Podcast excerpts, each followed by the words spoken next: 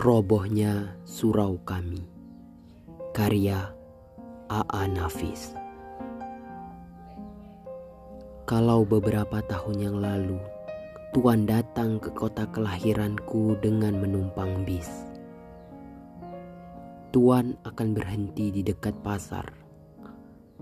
Maka kira-kira sekilometer dari pasar akan sampailah Tuan di jalan kampungku pada simpang kecil ke kanan. Simpang yang kelima. Membeloklah ke jalan sempit itu. Dan di ujung jalan nanti akan tuan temui sebuah surau tua. Di depannya ada kolam ikan yang airnya mengalir melalui empat buah pancuran mandi. Dan di pelataran kiri surau itu akan tuan temui seorang tua yang biasanya duduk di sana dengan segala tingkah ketuaannya dan ketaatannya beribadat. Sudah bertahun-tahun ia sebagai garin, penjaga surau itu.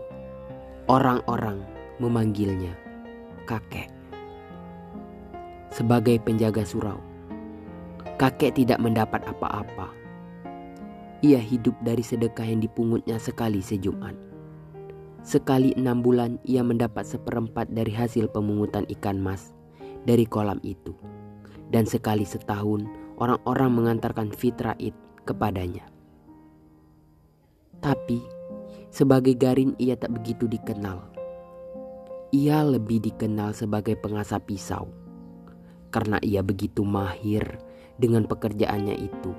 Orang-orang suka minta tolong kepadanya sedang ia tak pernah minta imbalan apa-apa. Orang-orang perempuan yang minta tolong mengasahkan pisau atau gunting, memberinya sambal sebagai imbalan. Orang laki-laki yang minta tolong memberinya imbalan rokok, kadang-kadang uang, tapi yang paling sering diterimanya ialah ucapan terima kasih dan sedikit senyum. Tapi kakek ini sudah tidak ada lagi sekarang ia sudah meninggal dan tinggallah surau itu tanpa penjaganya. Hingga anak-anak menggunakannya sebagai tempat bermain, memainkan segala apa yang disukai mereka. Perempuan yang kehabisan kayu bakar sering suka mencopoti papan di dinding atau lantai di malam hari. Jika Tuhan datang sekarang, hanya akan menjumpai gambaran yang mengesankan suatu kesucian yang bakal roboh dan kerobohan itu kian hari kian cepat berlangsungnya. Secepat anak-anak berlari di dalamnya, secepat perempuan mencopoti pekayuannya, dan yang terutama ialah sifat masa bodoh manusia sekarang yang tak hendak memelihara apa yang tidak dijaga lagi. Dan biang keladi dari kerobohan ini ialah sebuah dongengan yang tak dapat disangkal kebenarannya. Beginilah kisahnya.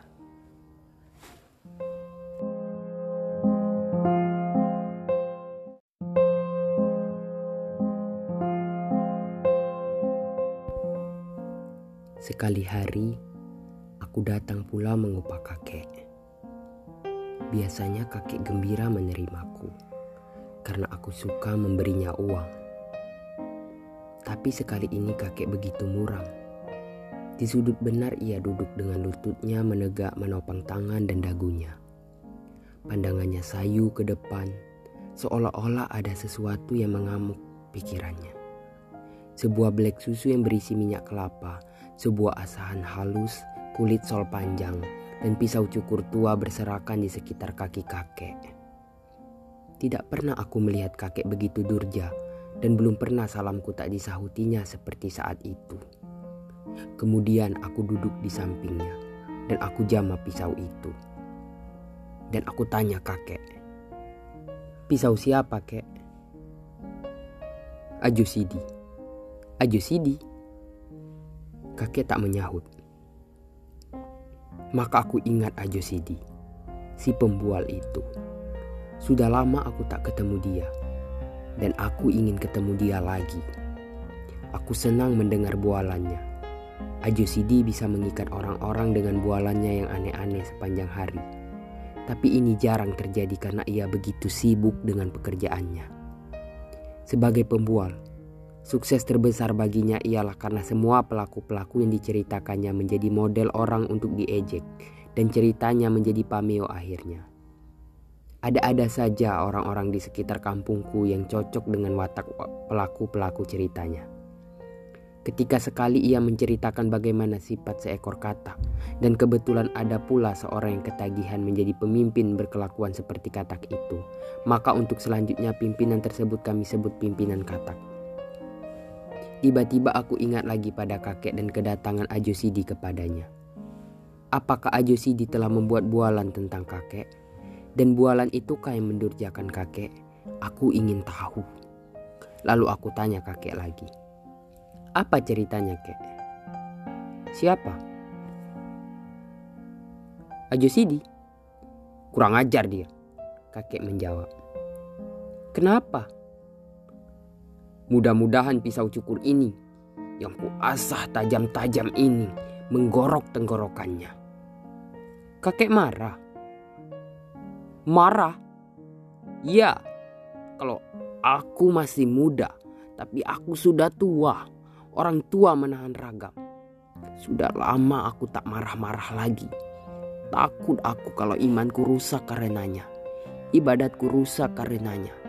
Sudah begitu lama aku berbuat baik, beribadat, bertawakal kepada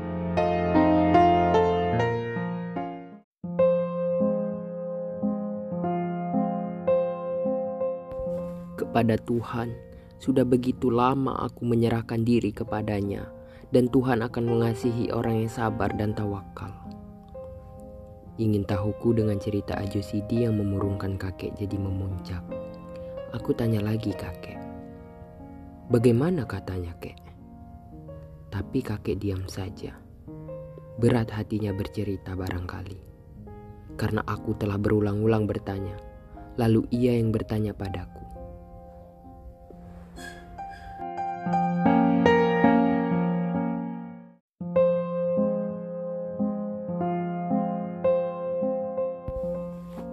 Kau kenal padaku bukan?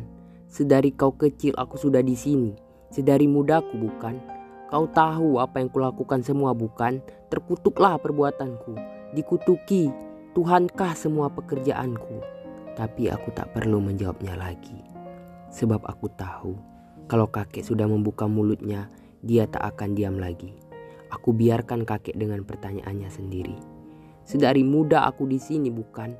Tak ku ingat punya istri, punya anak, punya keluarga seperti orang lain tahu. Tak ku pikirkan hidupku sendiri. Aku tak ingin cari kaya, bikin rumah. Segala kehidupanku, lahir batinku serahkan kepada Allah subhanahu wa ta'ala. Tak pernah aku menyusahkan orang lain. Lalat seekor enggan aku membunuhnya. Tapi kini aku dikatakan manusia terkutuk. Umpan neraka. Marahkah Tuhan kalau itu yang kulakukan sang kamu? Akan dikutuknya aku kalau selama hidupku aku mengabdi kepadanya. Tak kupikirkan hari esokku, karena aku yakin Tuhan itu ada dan pengasih dan penyayang kepada umatnya yang tawakal. Aku bangun pagi-pagi, aku bersuci, aku pukul beduk membangunkan manusia dari tidurnya supaya bersujud kepadanya. Aku sembayang setiap waktu, aku puji-puji dia. Aku baca kitabnya. Alhamdulillah kataku bila aku menerima karunia-Nya. Astagfirullah kataku bila aku terkejut. Masya Allah kataku bila aku kagum. Apa salahnya pekerjaanku itu? Tapi kini aku dikatakan manusia terkutuk. Ketika kakek terdiam agak lama, aku menyelakan tanyaku. Ia katakan kakek begitu, kek. Ia tak mengatakan aku terkutuk, tapi begitulah kira-kiranya. Dan aku melihat mata kakek berlinang. Aku jadi belas kasih kepadanya. Dalam hatiku, aku mengumpati Ajo Sidi yang begitu memukuli hati kakek. Dan ingin tahuku menjadikan aku nyinyir bertanya. Dan akhirnya kakek bercerita lagi.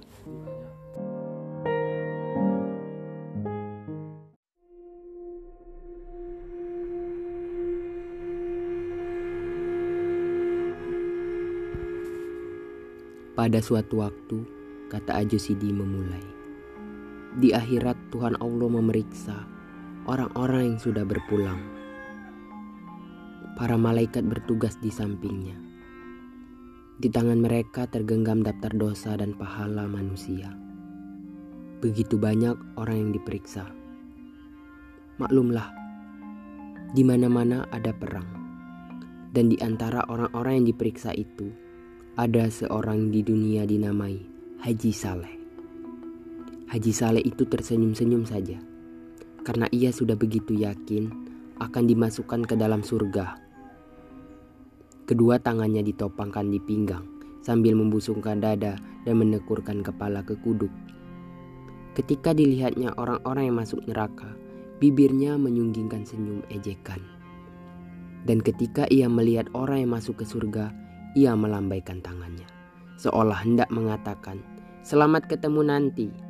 Bagai tak habis-habisnya orang yang berantri begitu panjangnya. Susut di muka, bertambah yang di belakang, dan Tuhan memeriksa dengan segala sifatnya. Akhirnya, sampailah giliran Haji Saleh Sambil tersenyum bangga, ia menyembah Tuhan. Lalu Tuhan mengajukan pertanyaan pertama. Engkau. Aku Saleh, tapi karena aku sudah ke Mekah, Haji Saleh namaku. Aku tidak tanya nama, nama bagiku tak perlu. Nama hanya buat engkau di dunia. Ya Tuhanku, apa kerjamu di dunia? Aku menyembah engkau selalu Tuhanku lain. Setiap hari, setiap malam, bahkan setiap masa aku menyebut-nyebut namamu. Lain. Ya Tuhanku, tak ada pekerjaanku selain daripada beribadat menyembahmu, menyebut-nyebut namamu, bahkan dalam kasihmu. Ketika aku sakit, namamu menjadi buah bibirku juga. Dan aku selalu berdoa, mendoakan kemurahan hatimu untuk menginsyapkan umatmu. Lain, Haji Saleh tak dapat menjawab lagi ia telah menceritakan segala yang ia kerjakan. Tapi ia insaf. Pertanyaan Tuhan bukan asal bertanya saja. Tentu ada lagi yang belum dikatakannya. Tapi menurut pendapatnya, ia telah menceritakan segalanya. Ia tak tahu lagi apa yang harus dikatakannya. Ia termenung dan menekurkan kepalanya. Api neraka tiba-tiba menghawakan kehangatannya ke tubuh Haji Saleh dan ia menangis. Tapi setiap air matanya mengalir diisap kering oleh hawa panas neraka itu.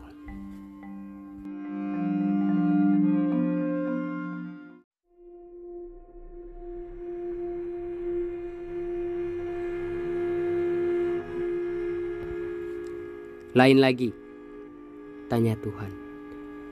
Sudah hambamu ceritakan semuanya, oh Tuhan yang maha besar, lagi maha pengasih dan penyayang, adil dan maha tahu. Haji Saleh yang sudah kuyu mencobakan siasat merendahkan diri dan memuji Tuhan dengan pengharapan semoga Tuhan bisa berbuat lembut terhadapnya dan tidak salah tanya kepadanya. Tapi Tuhan bertanya lagi. Tak ada lagi. Oh, oh, oh, anu Tuhanku, aku selalu membaca kitabmu. Lain, sudah kuceritakan semuanya. Oh Tuhanku, tapi kalau ada yang lupa aku katakan, aku pun bersyukur karena engkaulah yang maha tahu. Sungguh tidak ada lagi yang kau kerjakan di dunia selain yang kau ceritakan tadi. Ya itulah semuanya Tuhanku. Masuk kamu. Dan malaikat dengan sigapnya menjewer Haji Saleh ke neraka. Haji Saleh tidak mengerti kenapa ia dibawa ke neraka. Ia tak mengerti apa yang dikehendaki Tuhan daripadanya dan ia percaya Tuhan tidak silap. Alangkah tercenggang Haji Saleh karena di neraka itu banyak teman-temannya di dunia terpanggang hangus, merintih kesakitan. Dan ia tambah tak mengerti dengan keadaan dirinya. Karena semua orang yang dilihatnya di neraka itu tak kurang ibadatnya dari dia sendiri. Bahkan ada salah seorang yang telah sampai 14 kali ke Mekah dan bergelar syekh pula. Lalu Haji Saleh yang mendekati mereka dan bertanya kenapa mereka dinerakakan semuanya. Tapi sebagaimana Haji Saleh, orang-orang itu pun tak mengerti juga. Bagaimana Tuhan kita ini? Kata Haji Saleh kemudian. Bukankah kita disuruhnya taat beribadah, teguh beriman, dan itu semua sudah kita kerjakan selama hidup kita. Tapi kini kita dimasukkannya ke neraka. Iya, kami juga heran. Tengoklah itu orang-orang senegeri dengan kita semua dan tak kurang ketaatannya beribadat, kata salah seorang di antaranya. Ini sungguh tidak adil. Memang tidak adil, kata orang-orang itu mengulangi ucapan Haji Saleh. Kalau begitu, kita harus minta kesaksian atas kesalahan kita. Kita harus mengingatkan Tuhan kalau-kalau ia silap memasukkan kita ke neraka ini. Benar, benar, benar, sorakan yang lain membenarkan Haji Saleh. Kalau Tuhan tak mau mengakui kesilapannya, bagaimana? Suatu suara melengking di dalam kelompok orang banyak itu. Kita protes, kita resolusikan, kata Haji Saleh. Apa kita revolusi juga? Tanya suara yang lain, yang rupanya di dunia menjadi pemimpin gerakan revolusioner. Itu tergantung kepada keadaan, kata Haji Saleh. Yang penting sekarang, mari kita berdemonstrasi menghadap Tuhan. Cocok sekali, di dunia dulu dengan demonstrasi saja banyak yang kita peroleh. Sebuah suara menyela. Setuju, setuju, setuju. Mereka bersorak beramai-ramai. Lalu mereka berangkatlah bersama-sama menghadap Tuhan. Dan Tuhan bertanya, Kalian mau apa? Haji Saleh yang menjadi pemimpin dan juru bicara tampil ke depan. Dan dengan suara yang menggeletar dan berirama rendah, ia memulai pidatonya. Oh Tuhan kami yang maha besar, kami yang menghadapmu ini adalah umatmu yang paling taat beribadat, yang paling taat menyembahmu. Kamilah orang-orang yang selalu menyebut namamu, memuji-muji kebesaranmu, mempropagandakan keadilanmu, dan lain-lainnya. Kitabmu kami hafal di luar kepala, tak sesat sedikit pun kami membacanya. Akan tetapi Tuhanku yang maha kuasa setelah kami, engkau panggil kemari, engkau memasukkan kami ke neraka. Maka sebelum terjadi hal-hal yang tak diingini, maka di sini atas nama orang-orang yang cinta padamu, kami menuntut agar hukuman yang kau jatuhkan kepada kami ke surga sebagaimana yang engkau janjikan dalam kitabmu. Kalian di dunia tinggal di mana? Tanya Tuhan. Kami ini adalah umatmu yang tinggal di Indonesia, Tuhanku. Oh, di negara yang tanahnya subur itu. Ya benarlah itu Tuhanku. Tanahnya yang maha kaya raya, penuh oleh logam, minyak, dan berbagai bahan tambang lainnya, bukan? Benar, benar, benar, benar. Tuhan kami, itulah negeri kami. Mereka mulai menjawab serentak. Karena fajar kegembiraan telah membayang di wajahnya kembali, dan yakinlah mereka sekarang bahwa Tuhan telah silap menjatuhkan hukuman kepada mereka itu. Di negeri mana tanahnya begitu subur, sehingga tanaman tumbuh tanpa ditanam. Benar, benar, benar, itulah negeri kami.